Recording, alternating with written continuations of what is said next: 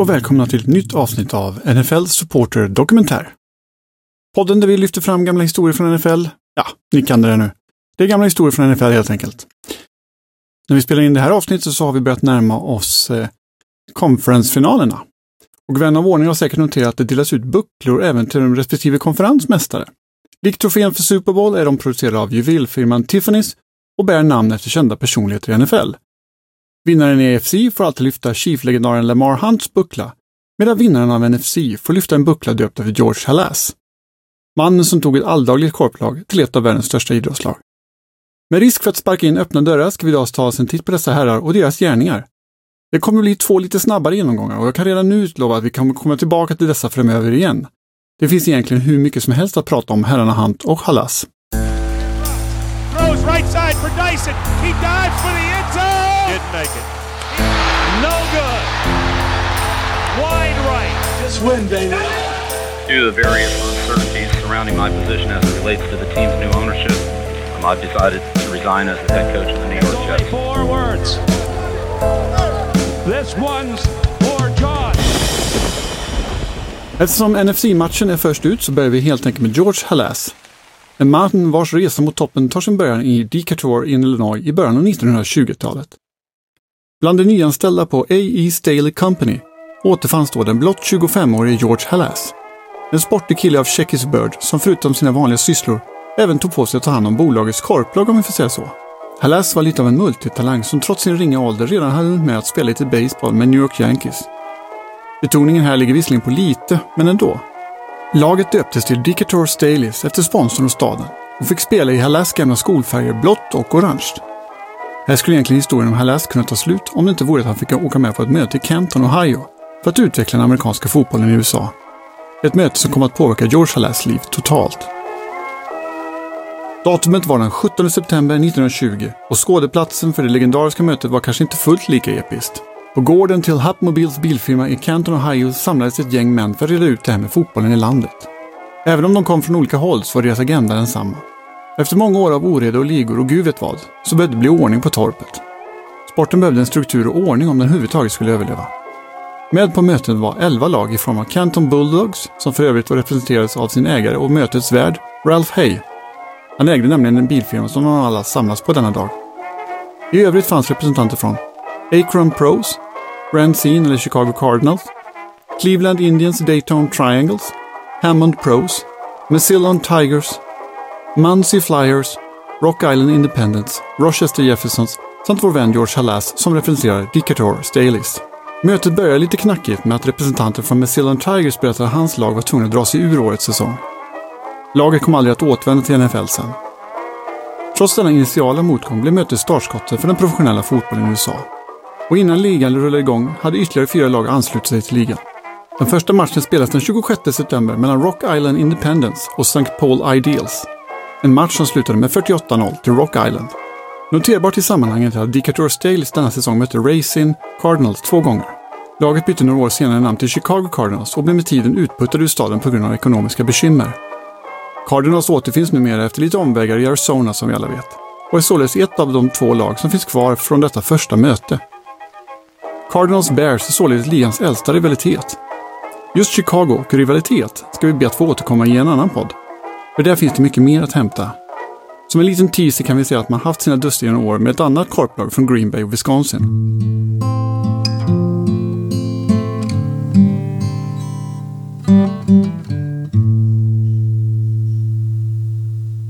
Efter det här så utvecklades allting fort för Halas och hans lilla amatörlag. Fabrikören Staley var dock inte särskilt intresserad av att finansiera något professionell idrott, utan överlät slutligen laget till Halas som således fick klara sig själv. Halas tackade för förtroendet och tog sitt lag och flyttade dem dryga 20 milen norröver till sin hemstad Chicago. Smeknamnet Staleys bytte sedermera till Bears, som en liten hyllning till baseballaget Chicago Cubs, som lät Halas nyttja deras hemmaplan Wrigley Field för lagets matcher. Bears delade för övrigt av denna anledning med sig av sina intäkter till Cubs ända fram till 1970. Likt många andra personer i NFLs historia så var Halas en mångsidig man som gjorde lite av det mesta. Dels för att han kunde, men kanske framför allt på grund av personalbrist. Ekonomin var inte lika bra som den är idag av naturliga skäl, så att man var tvungen att vara lite av en multikonstnär. Detta gjorde att han snabbt blev kallad Mr Everything av människorna runt omkring sig. Förutom att han ägde laget var han även lagets coach. Han spelade både anfall som receiver och försvar som defensive end. Tydligen var han dessutom en exceptionell sådan. Samt sålde biljetter på matchdagen. I början av 1930-talet så pensionerade sig Hallas som såväl spelare och coach för laget och valde istället att fokusera på att leda klubben framåt. Den stora finanskrisen satte dock käppar i hjulet för dessa planer och som ett led av kostnadsbesparingen i klubben tvingas Halas att sparka coachen och ta hand om sysslorna själv igen. Med lite kortare avbräck för andra världskriget där Halas tjänade och han tjänade för övrigt även i första världskriget kan man nämna, så han var med i båda. Men hur som haver, efter avbrott för världskriget och några andra pensionsförsök så lämnade Halas till slut coachrollen för gott 1967. Då hade han avverkat 40 säsonger som coach för Bears och vunnit 324 matcher och sex mästerskap. 1921, 33, 40, 41, 46 och 63. För frågvisa journalister förklarar han att beslutet primärt berodde på att han inte orkade jaga domaren längre. Till denna historien ska man även lägga till att Halas var känd för sitt grova språkbruk.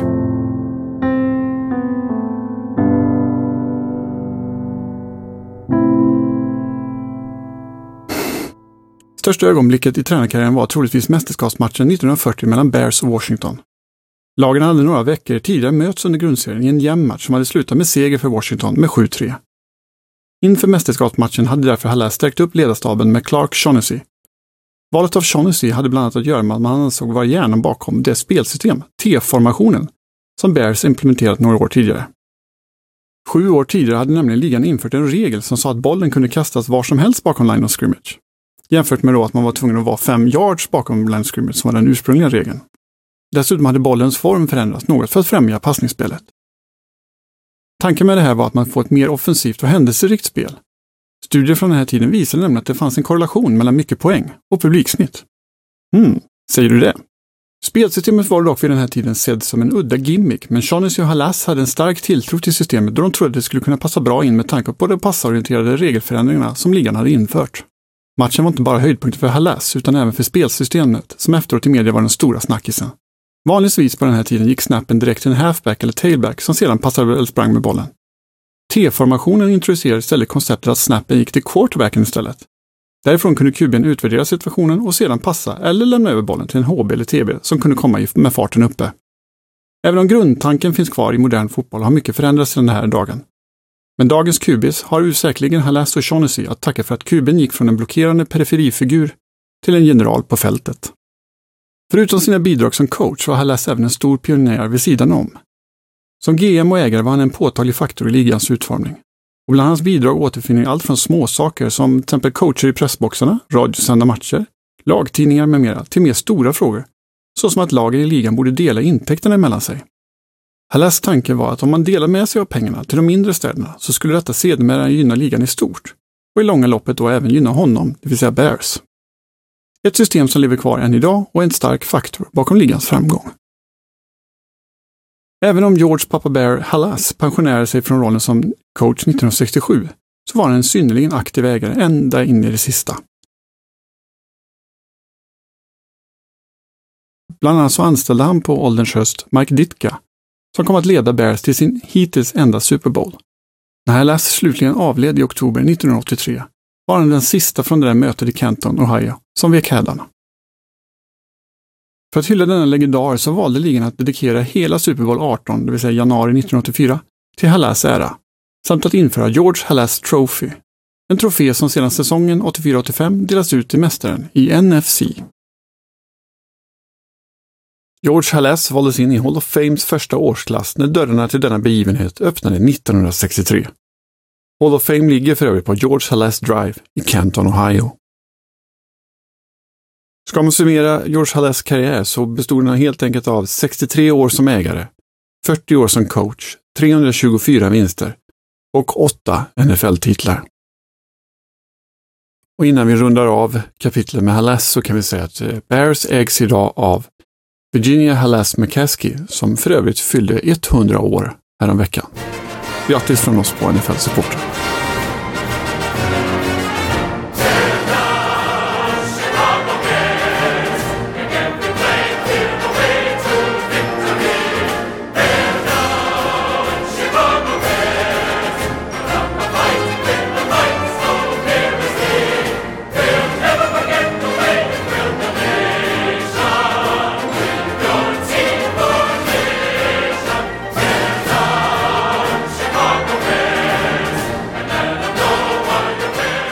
Välkommen tillbaka till del två av den här podden där vi pratar lite om männen bakom bucklorna.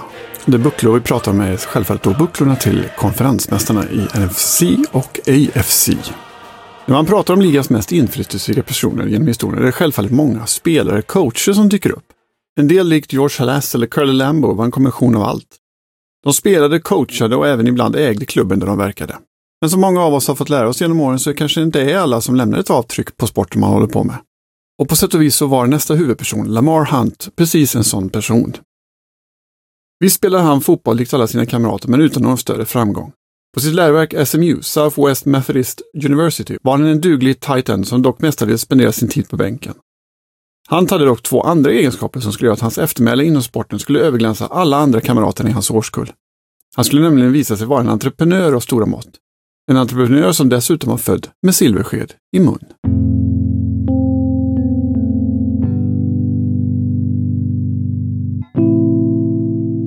Lamar Hunt föddes i Eldorado, Arkansas 1932. Han växte upp i Dallas som son till oljemiljardären H.L. Hunt. Familjens rikedom skulle komma väl till pass då Lamar Hunt hade 14 syskon. Eller åtminstone 14 kanske vi ska säga, för H.L. Hunt hade lite problem att hålla sig till en kvinna, vilket framkom med åren att han hade varit ute på byn och sprungit lite om vi säger så.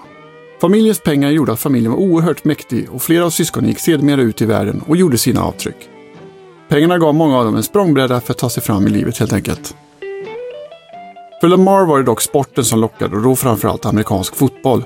En sport som var full av statistik och detaljer som den unge Lamar älskar att grotta ner sig i. Efter avslutade studier i geologi på SMU gick Lamar ut i världen med den bestämda uppfattningen att han skulle jobba inom idrotten på något sätt. Eftersom han inte besatt talangen att spela själv så var kanske den mest uppenbara vägen att ge sig in i idrotten som entreprenör och affärsman. Enklaste vägen in för en man med pengar det vill säga, vore kanske helt enkelt att köpa sig ett lag. Lamar Hunt började sondera terrängen för att se var alla ägarna stod. Kanske var det någon som ville sälja ett lag.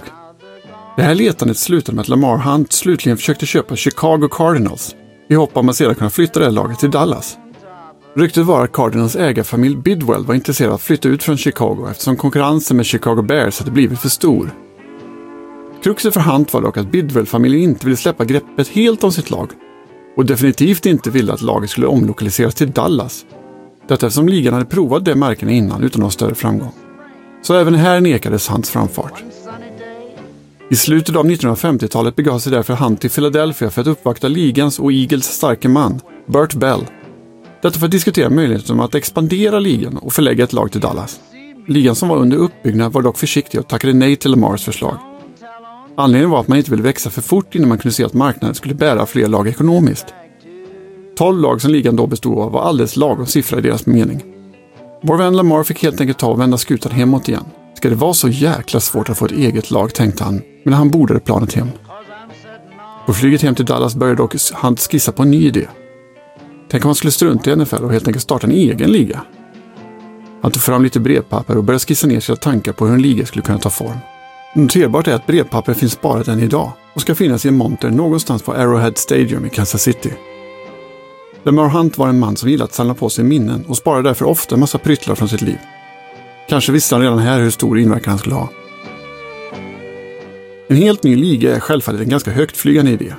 Speciellt efter att man precis lämnat ett möte där vdn för landets enda professionella fotbollsliga precis förklarat att marknaden var mättad för tillfället. Men samtidigt behöver man inte dela denna persons idé. För att skapa en liga behövde dock Lamar Hunt hitta andra likasinnade. Det vill säga andra dårar som ville bilda en egen liga och äga ett proffslag i amerikansk fotboll. Dårar kanske låter lite hårt att kalla den, men det var faktiskt vad Lamar Hunt kallade denna sammanslutning av affärsmän som hakade på hans nya idé. The Foolish Club.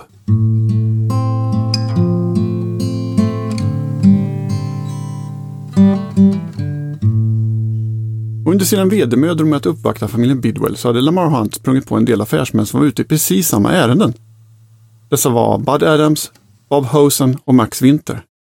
Och när Hunt kom hem till Dallas igen så kontaktade han därför Bud Adams för att ta reda på om han ville haka på idén. Hunt var övertygad om att ligan behövde klassisk rivalitet varvid Adams hemstad Houston skulle skapa en intern kamp mellan Dallas och Houston. Därefter kontaktade Hunt Bob Hosum och kollade om han inte han kunde starta ett lag i Denver. En idé som båda skakade hand på i lobben till Browns Palace Hotel i Denver, Colorado. Den sista mannen i kvartetten var Max Winter, som efter lite övertalning slogs ihop med sin affärspartner Bill Boyer och gick med på att starta ett lag i Minneapolis St. Paul och på den vägen rullade det sedan på. Den första säsongen i American Football League skulle spelas 1960 fanns följande lag tillgängliga för spel. Denver Broncos, Minnesota Vikings, Boston Patriots, New York Titans eller Jets, Houston Oilers, Buffalo Bills, Los Angeles Chargers, Oakland Raiders samt Lamar Hunts egna Dallas Texans. Vad som sedan följde var en tio år lång kamp om fotbollsfansens pengar och intresse. Hans nystartade liga i AFL hade visserligen fått NFLs välsignelse. Men när mannen bakom orden, NFLs commissioner Burt Bell, hastigt gick bort 1959, så ändrades tonen mellan ligorna. Bland annat satte NFL ytterligare ett lag på kartan varav ett placerades i hans hemstad Dallas. Något som sedermera fick Hunt att ta sitt pick och pack och flytta från staden med sina Texans. Frågan bara var vart de skulle flytta. Kansas Citys borgmästare H. Roe Bartle, vars smeknamn var Chief, gav Hunt ett erbjudande som han inte kunde tacka nej till, vilket blev starten till Kansas City Chiefs 1963. Hela kontroversen mellan AFL och NFL kommer vi inte kunna avhandla idag, utan är värd åtminstone ett eget avsnitt.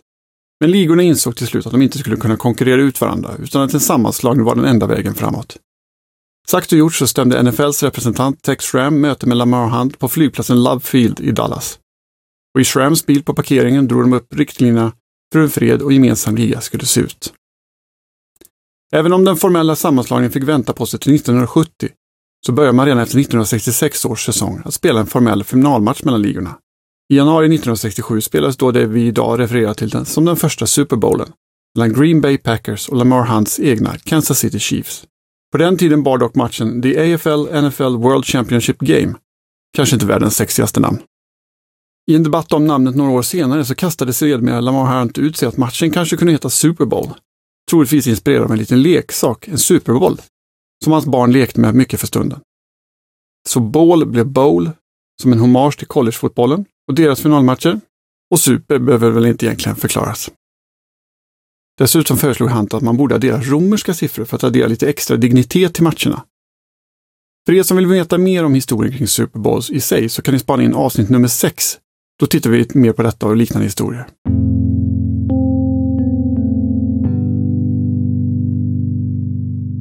Det roliga med Lamar Hunt var ju att hans insatser i sportvärlden inte slutade med detta. 1962 besökte han och hans blivande hustru Dublin och gick på en vanlig europeisk fotbollsmatch, om vi får säga så, med Shamrock Rovers.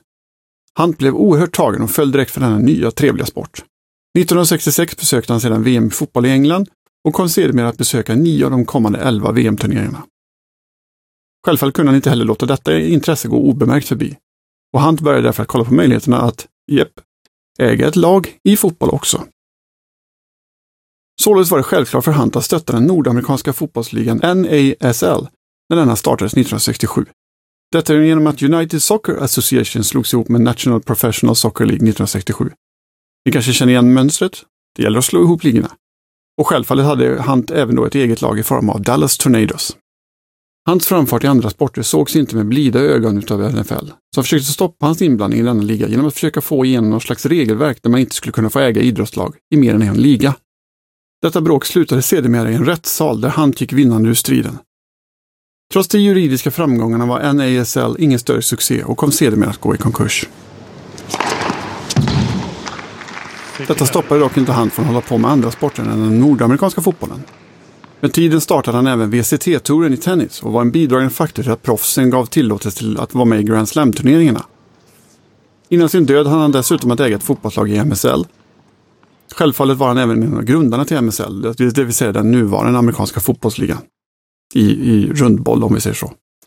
Sen blev det ett och annat baseballlag på vägen, några vattenparker och även några nöjesparker. En annan kul kuriosa är att han dessutom var en av de grundande investerarna i Chicago Bulls 1966 och förblev en minoritetsägare ända fram till sin död 2006.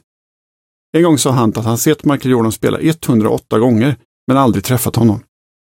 Något som dock erkände hade varit väldigt trevligt om det gick att ordna. Det där är väl en historia som på något vis säger allt. Överallt när man läser om Lamar Hunt så ges en bild av en man som visserligen var född med silversked i mun, men som var opretentiös i allt han gjorde. Flög aldrig första klass och lät ofta lagen vara relativt i fred, utan nöjde sig med att äga och njuta av det och ändra de saker han kunde göra vid sidan om och vid själva affären. Överallt där han dök upp var han dock alltid nyfiken och alltid full färd att prova något nytt. Kan man ändra på någon detalj? Kan man göra någonting bättre? Lamar Hunt är idag självklart invald i amerikanska fotbollens Hall of Fame. Han är även invald i den nordamerikanska fotbollens Hall of Fame samt i tennisens Hall of Fame. Sedan 1984 får alltså mästaren i EFC lyfta The Lamar Hunt Trophy till ära av Kansas City Chiefs legendar som avled 2006. Det var alltså historien om två män som påverkade sporten enormt. Jag kan lova er att vi kommer återkomma till dem i någon form lite längre fram också. Har ni några förslag på kommande ämnen som ni tycker vi ska ta upp så hör av er till oss på NFL Supporter. Ni når oss på info.nflsupporter.se info.nflsupporter.se jag som har gjort det här programmet heter Per Fogelin. Tills nästa gång vi hörs, ha det riktigt gott. Hej!